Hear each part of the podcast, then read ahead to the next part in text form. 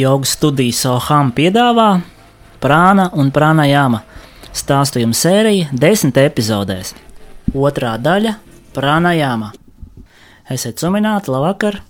Klāt mums ir kārtējā raidījuma epizode, un šodien mēs parunāsim par pranajāmu. Kas tad īsti ir šīs te mistiskais, noslēpumainais process, ko dēvē par pranajāmu? Pranajāma ir zinātne, ne tikai jogas tehnika. Tā ir zinātne par enerģiju, kas atrodas visapkārt, tā skaitā arī mūsos. Un šī enerģija ir pieejama visiem un tiek dēvēta par maha prānu. Pranajamā mēs iemācāmies šo spēku uzņemt, uzkrāt un vadīt. Un tūkojumā no sanskrita pranajama sastāv no diviem vārdiem, un parasti tiek tulkota kā prānas pārvaldīšana. Ir arī otrs tulkojums, ļoti līdzīgs, un šī gadījumā tas nozīmē prānas dimensijas pastiprināšanu. Tad pranajamā mēs nodarbojamies ar prānas vai drīzāk dzīvības spēka kontrolēšanu, kaut gan šis nu nebūtu īsti labākais vārds, ko lietot. Drīzāk vadīšana un palielināšana mūsu ķermeņa sistēmā. Un tas tiek darīts ar prānas medija vai starpnieka gaisa elpas palīdzību. Tomēr te mums ir jāsaprot, ka gaisa un prāna nav gluži viens un tas pats. Ielpojot gaisu, tas pat taisno nonāk mūsu plaušās, savukārt prana nonāk nadīs. Nadīs ir speciāli e, smalki enerģijas kanāli, pa kuriem plūš šī prana, un šie te nadīs neatrodas fiziskajā ķermenī, bet tie atrodas smalkajā ķermenī, nu, vai drīzāk ēteriskajā ķermenī. Pranajamā mēs elpošanas procesu, kurš parasti ir automātisks, neapzināts, padarām par apzinātu un ietekmējamu procesu. Tādējādi vērojot elpošanu, mēs vērojam pašu dzīvību. Nav elpa, nav prana, līdz ar to nav arī dzīvība. Un tas attiecās ne tikai uz cilvēku ķermeni, tas attiecās arī uz dzīvniekiem, augiem, minerāliem un pat planētām. Uz visu. Tad visa pamatā ir šī te dzīvības spēks, jeb prana, kā to sauc jogā. Protams, tas izklausās eh, neticami, bet ar vienkāršu elpas manipulāciju mēs varam ietekmēt ļoti nozīmīgus procesus gan sevi, gan arī ārpus sevis. Nu, pirmajā gadījumā mēs runājam par pranajāmu, ja mēs runājam par šiem procesiem sevi. Otrajā mēs runājam par prana vidja, jeb procesiem ārpus sevis, un šī prana vidja ir pranajāmas turpinājums, tā ir pranas pārvaldīšana ārpus ķermeņa. Pie šī te prana vidja Vidija nozīmē zināšanas, īpašas zināšanas. Pie šī te temata mēs vēl atgriezīsimies kādā no nākotnes epizodēm, kad runāsim par pranajamai un ar pranajamu saistītām citām jogas tehnikām. Turpināsim ar to, kā tad elpošanas process ietekmē mūs, mūsu prātu un mūsu ķermeni. Neritmiska elpošana patiesībā nozīmē spriedzi. Ja elpojam sēkli un strauji, esam trauksmes stāvoklī ja elpojam īsi un forsēti, tad esam dusmu pārņemti. Bet, ja mūsu elpošana pārvēršas nopūtā garā, nu tad visticamāk esam nomāktības vai depresijas stāvoklī. Tieši tāpēc, ietekmējot telpu un padarot to ritmisku, mēs nomierinām gan prātu, gan nervu sistēmu, un tas jau savukārt tālāk ietekmē gan mūsu fizisko ķermeni, muskuļus, un arī mūsu mentālo un emocionālo sistēmu mēs varam sajust īstu mieru un nonākt tuvāk sev, savai būtībai. Un tā jau ir teritorija, kurā sākās meditācija. Nu, gan jau katrs no jums, eh, darbie klausītāji, ir kādreiz pamēģinājis meditēt ar lielākām vai mazākām sekmēm, un droši vien jau parasti visi saskārušies ar to, ka nekas īsti jau nesanāk. Ķermenis traucē, domas skraida, diskomforts un nemieris beigās tikai pieaug. Kāpēc tas tā ir? Nu, ļoti vienkārši tas ir tāpēc, ka mēs neesam miera stāvoklī, mēs neesam mierā, un meditācija var sākties tikai tad, kad šis miers jau mūsos ir, nevis otrādi. Tad nevis, mēs meditējam nevis lai sasniegtu mieru, bet mēs varam sākt meditēt, ka mūsos jau šis miers ir. Bet, lai mēs nonāktu pie šī miera, mums ir jāsinhronizē ķermenis, prāts un emocijas, un arī enerģijas. Jo savādāk ir tā, ka prāts raujas uz vienu pusi, ķermenis uz otru pusi un emocijas vēl kaut kādā trešā, citā virzienā. Un kā tas sabalansēt šīs konfliktējošās puses? Nu, tad viens no visefektīvākajiem veidiem, kā to panākt, ir tieši pranajāma, jeb apzinātās elpošanas tehnikas, vai arī jogas elpošana, arī tā to mēdz saukt. Ietekmējot un ritmizējot elpošanu, mēs, mēs novirzām fizisko ķermeni, un tiklīdz ķermenis nonāk zināmā mierā, arī prāts kļūst mierīgs.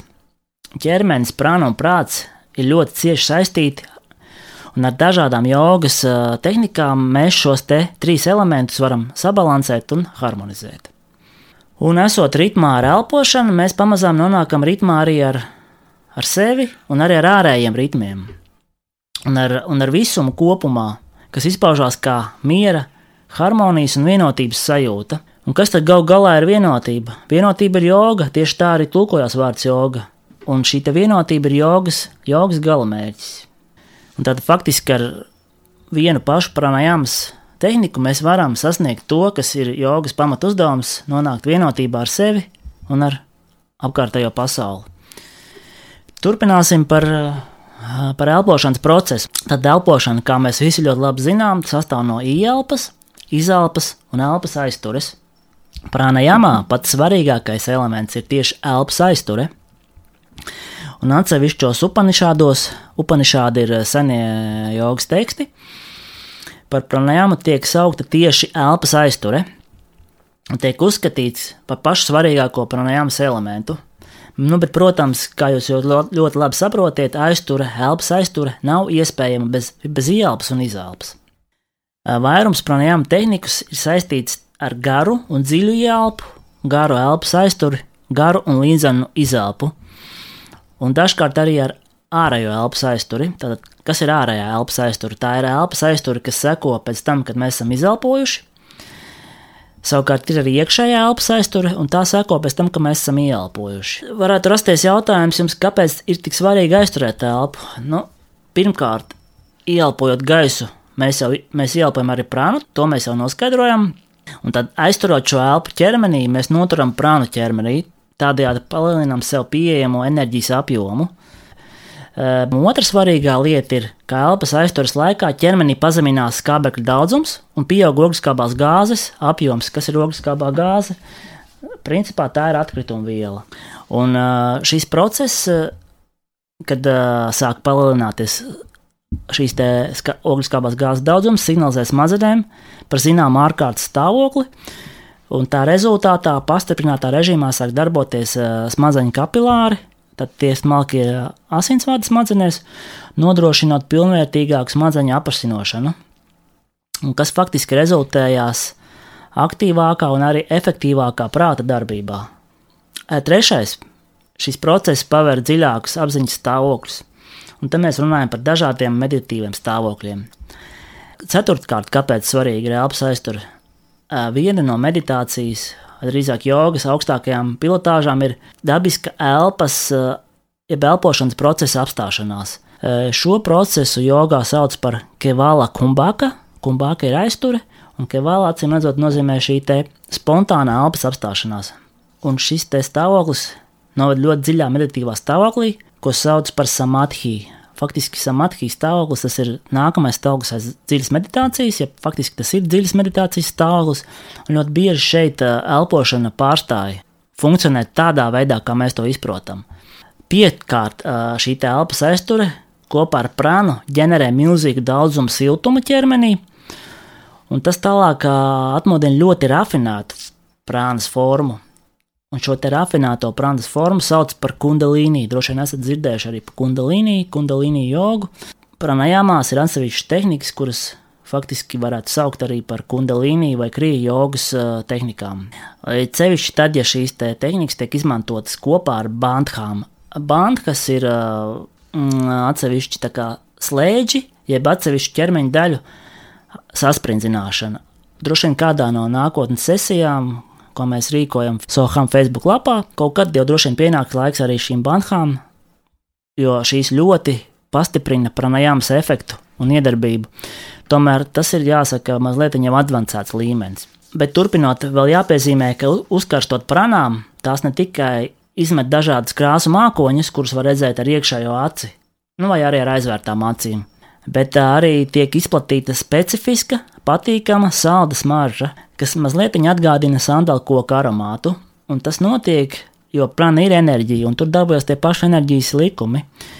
Bet šeit man ir jau obligāti jā, jā, jāuzsver, sevišķi tiem kaislīgākiem pranajāmas praktizētājiem, ka pārāk garas elpas aizturs nevajadzētu praktizēt, ar to nevajadzētu aizrauties, jo tas var nodarīt arī kaitējumu.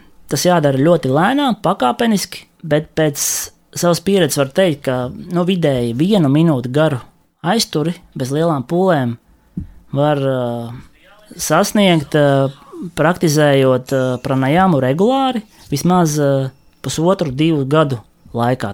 Ir pat atsevišķas pranajāmas, kā piemēram baštrika, jeb straujās ieelpas izelpas tehnikā, vai vēl precīzāk būtu tulkot to kā pumpējošā pranajāma, lai cik arī tas dīvaini neizklausītos, uh, kuru praktizējot notiek tik liela skābekļa uzņemšana, ka pēc šīs prakses iespējams elpu aizturēt pat līdz divām, divām pusminūtēm.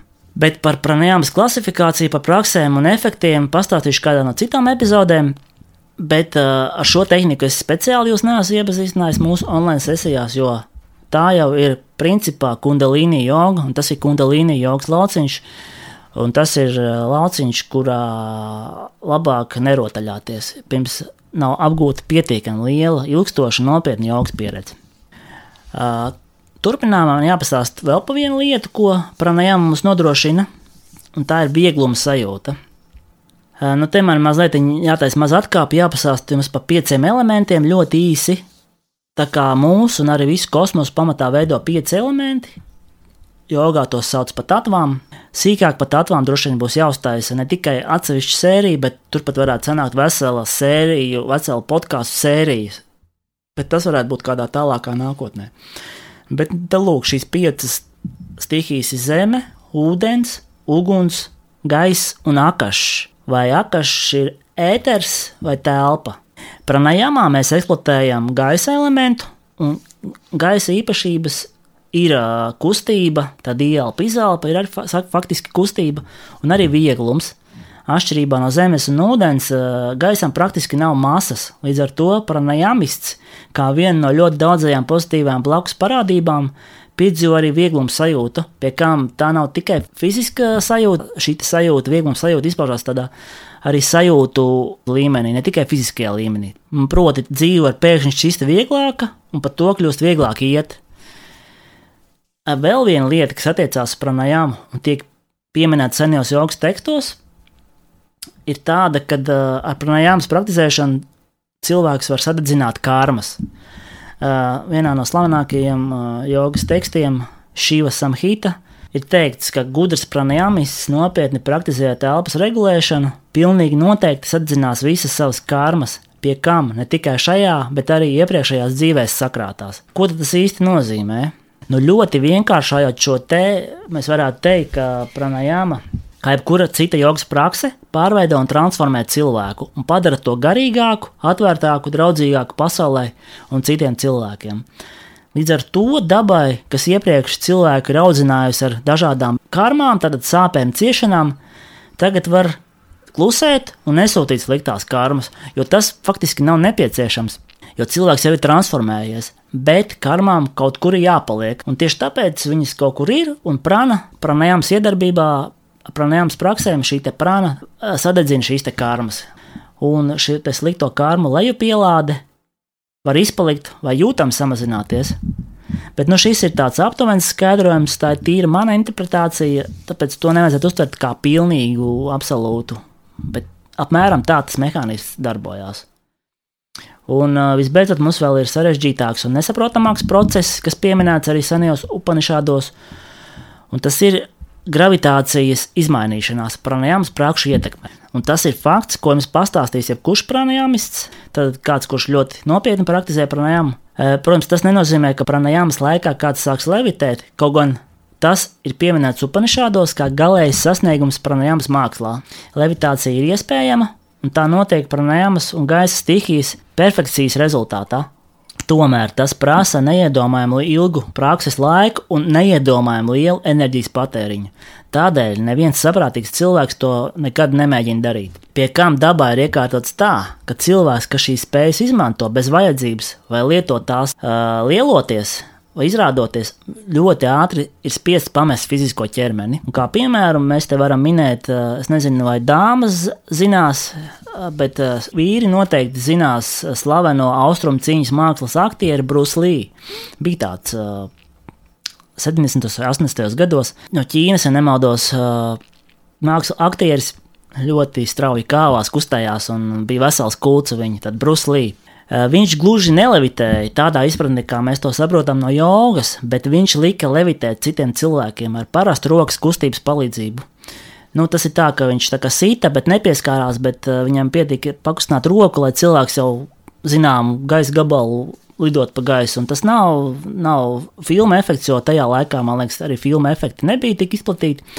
Tā bija reāla lieta, ko viņš spēja, kāpēc viņš bija tik slavens. Nu, lūk, tā savā ziņā arī ir šīs prānas enerģijas izmantošana. Nu, savā ziņā tā varētu būt arī lielīšanās. Līdz ar to nu, daba viņu sodīja, un viņš nodzīvoja tikai 31 gadu. Nu, un tos faktus jūs varat droši arī paši pārbaudīt internetā. Bet, nu jā, šeit mēs runājam par fiziskā ķermeņa levitāciju. Tas, ko piedzīvo nopietns pranāmists, un to var apstiprināt arī ar savu pieredzi, ir iespēja piedzīvot uh, kaut ko netik ekstrēmu, bet kaut ko arī līdzīgu, ko sauc par astrālo levitāciju. Tas ir tad, kad ķermenis paliek uz vietas, jūs esat dziļā meditatīvā stāvoklī, kas ir rezultāts ilgstošākai pranājāmas praksē. Tomēr jums ir sajūta, ka jūs slīdat vai jūs kustaties. Un šī sajūta ir tāda nav fiziska, bet viņa ir drīzāk psihiska sajūta. Un šīs fenomens ir saistīts ar to, ka pastiprinoties pranai, prānas aktivitātei, praniskais vai ēteriskais ķermenis sāk piedzīvot zināmu atsaistīšanos no fiziskā ķermeņa un drusku tā kā iziet no tā ietvariem. Arī tas nav nekas neparasts, jo tas principā notiek ar katru no mums.